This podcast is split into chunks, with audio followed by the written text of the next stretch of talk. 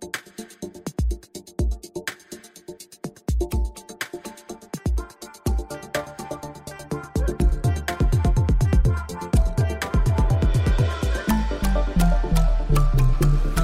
Alt som kan lages av olje, kan også lages av eh, tre. Og det er en påstand som selskapet Borregaard langt på vei kan eh, bekrefte.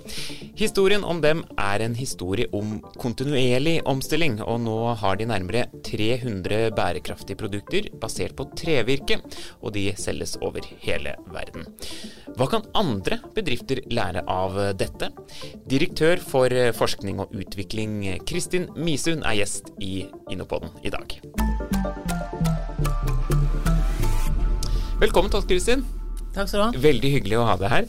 Eh, fortell først for de som ikke vet hva Borregaard er. Hva gjør dere? Ja, Vi er et uh, internasjonalt uh, selskap som kaller oss for et bioraffineri. Det betyr at vi tar utgangspunkt i tømmer, stort sett norsk gran, mm. uh, og lager en palett av produkter ifra det. Biomaterialer, biokjemikalier, biodrivstoff og også bioenergi. Har du noen eksempler? Ja, altså det som kanskje har vært hottest i det siste nå, det er jo at vi lager bioetanol, altså sprit, og nå har vi fått en ny nisje på det i mm. det siste, for det blir god ut til håndsprit. Det har vi aldri gjort før. Vi, stort sett selges det som et kjemikalie, eller så selges det som drivstoff. Mm. Så har vi også det som kanskje er det mest på en måte enkleste å forholde seg til for hverdagsmenneskene, det er vaniljesmaken. Ja. vi er de eneste i hele verden som lager vaniljesmak fra tre. det aller meste av det produktet der lages av olje. Eh, og vi lager en liten del ifra, eh, ifra trestokken. Og den har faktisk eh, en litt sånn rundere, en litt fyldigere smak. Antagelig for det er noen bitte, bitte små biprodukter som også um, bidrar til smaks- og lukteopplevelsen. Det er morsomt når man da sitter og spiser i, Er det is, f.eks.? Ja, for eksempel, så, ja, så er det norsk uh, tre i det. Ja, det er jo veldig spennende. det er litt artig i hvert fall. Ja. Men dere har jo Eh, jeg sa jo innledningsvis at dere har omstilt dere kontinuerlig. Mm. Hvilke store omstillinger er det egentlig dere har gjort? Hvis vi skal dra det i den veldig store linja, så er det sånn at eh, Borregaard ble etablert tilbake i 1889. Så det er en gammel bedrift. 130 år gammel bedrift. Og Den ble etablert i Sarpsborg ved Sarpefossen av tre grunner. Mm. Det var eh, billig eh, tre, altså tilgang til det via Glomma. da, Eh, så var det billig kraft i og med at det var i, eh, ved Sarpefossen. Og så var det billig arbeidskraft. Så var det britiske pund og en, en australsk teknologi som, som, etablerte det. Det der med billig tilgang på råvarer er snudd aldeles på huet i løpet av de 130 årene. Så nå er det vår evne til å innovere. Det er den veldig store investeringa som er gjort i Sarpsborg over alle disse årene. Eh, og så er det markedsforståelsen som, mm. som eh, på en måte er borger både nåtid og fremtid. Så for, for, å få til en sånn omstilling som det, så krever det at hele organisasjonen er innstilt på to kanaler. Det ene er kontinuerlig forbedring, og det andre er innovasjon. Hvilke forbedringer er det dere har gjort, da? tenker du? Altså, altså det, som, det, som, skiller oss fra den klassiske treforedlingsindustrien, det, de har blitt ved papiret og eh, pappen. Mm. Det har vi gått eh, vekk ifra for veldig mange år siden. Det er sånn at eh, En trestokk består av tre hoveddeler. Det er eh, fiber, eh, som en lager papp eller papir av, eh, typisk 45 Og så er det sukker, som en da kan lage sprit av. 25 er det, og det resterende er lignin eller bindemiddel i tre. Så hvis du kjører på den klassiske treforedlingslinja, så bruker du under 50 mm. av trestokken til salgbare produkter. Resten må du brenne eller, eller bli kvitt på annet vis. Så Det som Borg har vært sabla flinke til, også generasjonene før oss, det er å gjøre en fullstendig, så fullstendig som mulig utnyttelse av trestokken. Så du får maksimal verdiskapning på det du putter inn.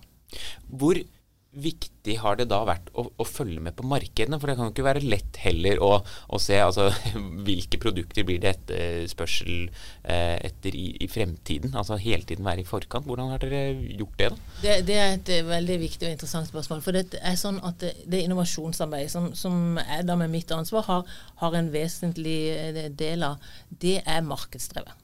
Så når vi snakker om innovasjon i Borregaard, så definerer vi det som hele prosessen fra en eller annen får en god idé. Mm. Det kan være kunden som sier du, vi trenger en løsning på ditt eller datt. Eller det kan f.eks. være en forsker som sier du, sånn kan vi gjøre det, ha noe nytte av det. Men altså, hele prosessen fra noen får en god idé, og til kunden faktisk bruker det nye produktet. Så Det betyr at noen av de løsningene vi kommer med til kunden, de er ikke på en måte helt sånn nye for verden. Og, og, det er ikke nok at det er nyttig, det må være nyttig gjort for at vi skal uh, si at dette er en innovasjon. Så Det betyr i praksis at forskerne og uh, folk i produksjonen og de selgerne de jobber veldig veldig tett sammen. Ja. Uh, og, og, det er av og til frustrerende. For vi er, er to liksom forskjellige, forskjellige typer, da. Ja, skoler på et vis. Forskjellige språk, vi blir målt på forskjellige ting og alt det der. Mm. Men den eneste veien til å, å, faktisk innovere. Sånn at når vi ser, vi forskerne vi har jo tendens å se um, disse prosjektene vi jobber med, fra en teknologisk synsvinkel. Og da representerer markedet både muligheter og begrensninger. Tilsvarende vil en selger, som typisk har blå skjorte av en eller annen grunn, eh, se på det samme prosjektet fra den kommersielle sida.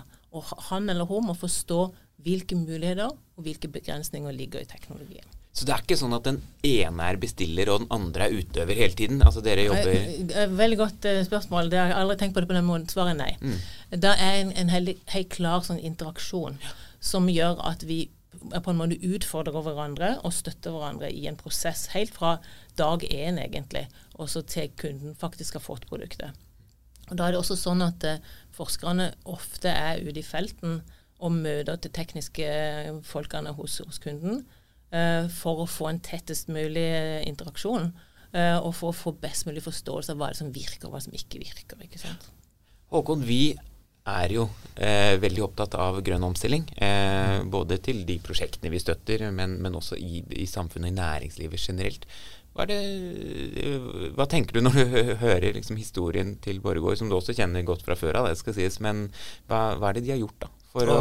Kjempespørsmål. Men jeg bare aller først si hvor utrolig begeistret jeg er for Borregaard. Jeg har vært og besøkt Borregaard og vært i det kontrollrommet og sett Det er jo så high-tech. Det er sånn rom, romstasjon, nærmest. Mm. Og det er jo ingen som tar på en tømmerstokk, de bare suser inn. Og så kommer det ut i andre enden masse nyttige uh, kjemikalier og andre ting. Og, og høykompetent, forskningsbasert, uh, superinteressant. Og det er jo masse man kan lære av Borregaard jeg tenker Norge med våre fantastiske ressurser, da f.eks. Eh, gran. Mm. som jo, Og det at en stor del av verden spiser man vanilje og så da spiser man litt eh, norsk gran, det syns jeg også er utrolig gøy. ja, ja, det. Men det Vårgård har greid, er jo nettopp det dere nettopp snakket om. Det er å koble sammen eh, det kommersielle. Og jeg har hørt Kristin holde foredrag hvor hun bruker den definisjonen av innovasjon som jeg liker veldig godt. Det er dette fra idé til faktura. Altså det, det, og det er en toveisprosess. Det å kjenne markedene, forstå dem bringe det tilbake, så utvikle, også vice versa. Kjenne de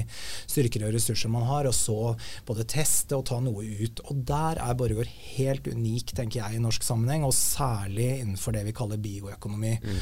Og hvorfor har vi bare ett Borregaard? Vi hadde en om stor treforedlingsindustri i Norge, har fortsatt noe, men mange av dem har satset på avispapir og trevirke, markeder hvor det er helt annen konkurranse, og det verdibidraget, eller vil si den påslaget da, bedriften kan ta, er mye mindre. Uh, og da, Derfor så er uh, Borregaard helt, uh, tenker jeg, både verdensledende innenfor sin, sin, næring, men også et eksempel til etterfølgelse for norsk næringsliv i bredden. Da, I hvordan sørge for å gjøre langsiktige investeringer i forskning og innovasjon. Mm. sørge for den kompetansen som gjør dette mulig. både og her uh, handler det jo både om det vi kan kalle forskerkompetanse og kommersiell kompetanse og industriell kompetanse. Bringe dette sammen, uh, kontinuerlig være tett på pulsen med markedet og kontinuerlig identifisere nye muligheter. Mm. Så har jeg et spørsmål til Kristin, fordi jeg har hørt en historie om at Lingin, som jeg i dag skjønner er et av deres aller største produkter, det var noe man slapp ut i Glomma på et tidspunkt. Eh, jeg vet ikke om det er riktig, men det, i så fall er det et veldig interessant eksempel på hvordan regulering også fremmer innovasjon. For det øyeblikket man får, eller myndighetene sier at dette avfallsstoffet kan ikke lenger eh, slippes ut, og så kommersialiserer isteden bedriften eh, det og gjør det til et salgbart eh, mm. produkt. Det er også en historie å lære, forutsatt da, at historien er eh, sann. Så det ja, er jeg nysgjerrig på. Du, eh, lignin, som det heter, lignin, som er, er bindemiddelet i tre, det, det ble historisk sett eh, sluppet ut i Glomma. Fordi at det, da var vi på en måte på linje med det som er veldig klassisk i treforedlingsindustrien. Vi skulle ha tak i fibre Det skulle lages papir eller pappa. ikke sant? Men så kom det, så kom det reguleringer som sier at du kan ikke slippe det her ute i Glomma. Det, jeg vet ikke hvor lenge det er, 50-tallet, tror jeg. Ja. Um, og, og, da ble den, den reguleringa riktignok en driver for innovasjon. ikke sant? Og da, da var det en sånn der slogan som var ute og gikk, at du kan lage alt av lignin uten peng, utenom penger. Du kan ikke gjøre business på det, med andre ord. Men, men det har Borregaard vist veldig solid at det er, det er, feil. Så det er et av de viktigste forretningsområdene i Borregaard. Vi er absolutt i front eh, internasjonalt på det området. Der. Skjer dette fortsatt? Altså at noe på en måte blir avfallsstoffer, det blir ikke lov? altså Det skjer reguleringer som gjør at dere må tenke nytt, eller, eller i hvert fall gripe de mulighetene som det kan gi? da? Ja, altså det, det gjør det til dels. Men altså det, nå er vi jo oppe i at vi har over, over 90 av trestokken blir salgbare produkter. Så det blir på en måte vanskeligere og vanskeligere å få det der til. Men at, at reguleringer er driver for innovasjonsvirksomhet, sånn er det fremdeles. ikke sant?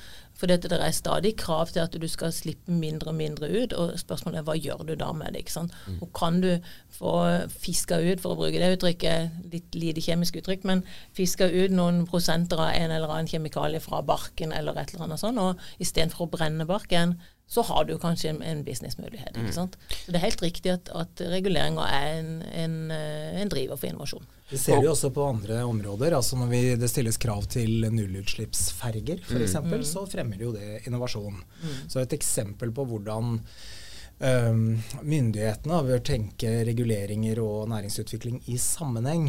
I innovasjonstalen nå så nevnte jeg eksempler med elbiler, som jeg syns er et eksempel på det motsatte. Hvor man først skapte tilbudssiden, og det var jo vi, eh, det daværende SND, med på å gjøre. Finansiere opp en bilfabrikk. Eh, så gikk det jo ikke så veldig bra med Think, og så gikk fabrikken konkurs. Og først da gjør man endringer som skaper etterspørselen. Ja. Og det er regelverksendringer. Og det å tenke på dette i sammenheng, det er, dette er mer en myndighetsutfordring enn det er for et selskap. Men det jeg noe av det jeg begeistres ved av Borregaard, er jo nettopp denne kontinuerlige omstillingsviljen. Ja. For evnen er jo der åpenbart, men det at man hele veien har det blikket altså Det at, at du bare sier nå at i barken kan det være 2 at Det sier noe om et mindset. da. Ja. Kontinuerlig søke forbedring, søke nye markedsmuligheter. Og når du har da denne viljen, eh, Håkon, så kan du jo komme til oss. altså, hvilke virkemidler er det vi kan tilby de selskapene som ønsker å gjøre den omstillingen, da, om de er inspirert av Borregaard eller andre som, som, som, har det mindsettet? Altså Dette er jo Innovasjon Norges selve kjernevirksomhet. Det er jo å bidra med tilskudd og lån til den type omstillingsprosesser. Eh, og fordi dette er viktig for, for Norge det kun, altså Bare for å ta Borregaard igjen da, som eksempel. Det kunne jo gått stikk motsatt vei for Borregaard. Borregaard kunne valgt å satse på avispapir, ja. og så kunne avispapiret Uh, for, liksom, tapt markedsandeler, hvilket det jo faktisk har gjort. Ja. Og så kunne man sitte igjen med en fabrikk som strevde med å overleve. Så fra et samfunnsøkonomisk perspektiv, det at de arbeidsplassene er fortsatt i Borregaard, uh, at vi dermed også kan ta, skape eksportinntekter osv. Det er viktig ikke bare for bedriften, men også for Norge. Mm. Derfor er vi inne og risikoavlaster i den type pro prosesser. Så bedrifter som ønsker å legge om produksjon, satse på nye markeder osv., kan komme til oss. Og så vil de som resultat av en sparring med en av våre rådgivere få kunne få et lån eller et tilskudd for å gjennomføre prosessen. Så er det viktig å si vi betaler ikke alt. Nei. Langt derifra. Men vi er med å matche og risikoavlaste, fordi det er noen samfunnsmessige hensyn som også spiller inn. Kristin, hvor viktig er Innovasjon Norge for bedrifter som ønsker å omstille seg, tenker du? Du sitter jo også i, i vårt styre. ja, jeg, jeg, sitter i styret. Jeg ser, jeg ser jo at det er, det er, avgjørende viktig for ganske mange firmaer. Og, og, og den risikoavlastninga som, som, Håkon snakker om, den, den er ganske vesentlig ikke bare for små og mellomstore bedrifter, men faktisk også for store bedrifter som, som Borger. Borger bruker drøyt 200 millioner i året på innovasjon, som er en størrelse sånn 4 av omsetninga. Uh, vi har, uh, vi har, støtte fra Innovasjon Norge på noen prosjekter, fra Forskningsrådet på noen. Vi søker SkatteFUNN, og vi har også hatt ganske mye suksess i, i EU-sammenheng. Og til sammen så, så utgjør uh, den støtten vi får, eh, mellom 20 og 50 millioner kroner. Men det betyr jo, som du er inne på, altså vi, vi betaler jo det alt vesentlig sjøl. Opptil 90 av det betaler vi sjøl. Og det syns jeg er et viktig poeng, faktisk. For dette, det forteller jo at dette er noe som Borger tror på. ikke sant? Ja. Uh, så, så det, det, det, er riktig at en ikke skal liksom bare sy puder under armene, men, men det, er, det, er, ganske viktig. Altså, Et innovasjonsløp varer i veldig mange år. Og det, det er et langt lerret å bleke. Mm. Eh, helt ifra denne ideen som vi snakka om i stad, som oppstår i huet på en eller annen, og så via en lab, en pilot, en, en, fabrikk og ut i markedet. Og det er jo ikke så enkelt som jeg sier nå. Det er litt sånn jenka-opplegg. To mm. skritt frem og ett tilbake. Så, så at, eh, at, det er mulig å få risikooverlastning for de viktigste og de riktigste prosjektene i hele det løpet, det er et vesentlig poeng. Mm. Der spiller Innovasjon Norge en viktig rolle sammen med, med Forskningsrådet og også i EU. For Det er mange selskaper som sier kanskje at ja, ja, det er fint å, å snakke om omstilling, men det, det, har vi ikke råd til å gjøre. ikke sant? At det er de med økonomiske muskler som får til det. Hva kan du mm. si til de, Kristin? Altså I Borgås så uh, oppfatter vi både kontinuerlig forbedring og innovasjon som uh, investeringer. Uh, og investeringer gjør en for å få en payoff frem i tid. Uh, men det betyr også at uh, i, i, vår sammenheng så er det veldig viktig å skal vi si, røkte den porteføljen du har av, av innovasjonsprodukter. Uh, og, og, det gjøres uh, altså i, i, vår sammenheng av en tverrfaglig gruppe som består av den som leder forretningsområdet, og en, sånn, en produksjonsmann. Uh, ofte. en forsker og en, en, salgsperson. Sånn at det alltid er en liten gruppe som har ansvar for porteføljen. For det, det, er veldig mange morsomme ting vi kan gjøre, ikke sant? Mm. men vi må gjøre de som vi virkelig tror på. Vi har snakket om suksesser nå, det er jo veldig bra. Men har dere gjort noe feil på veien som noen kan lære av?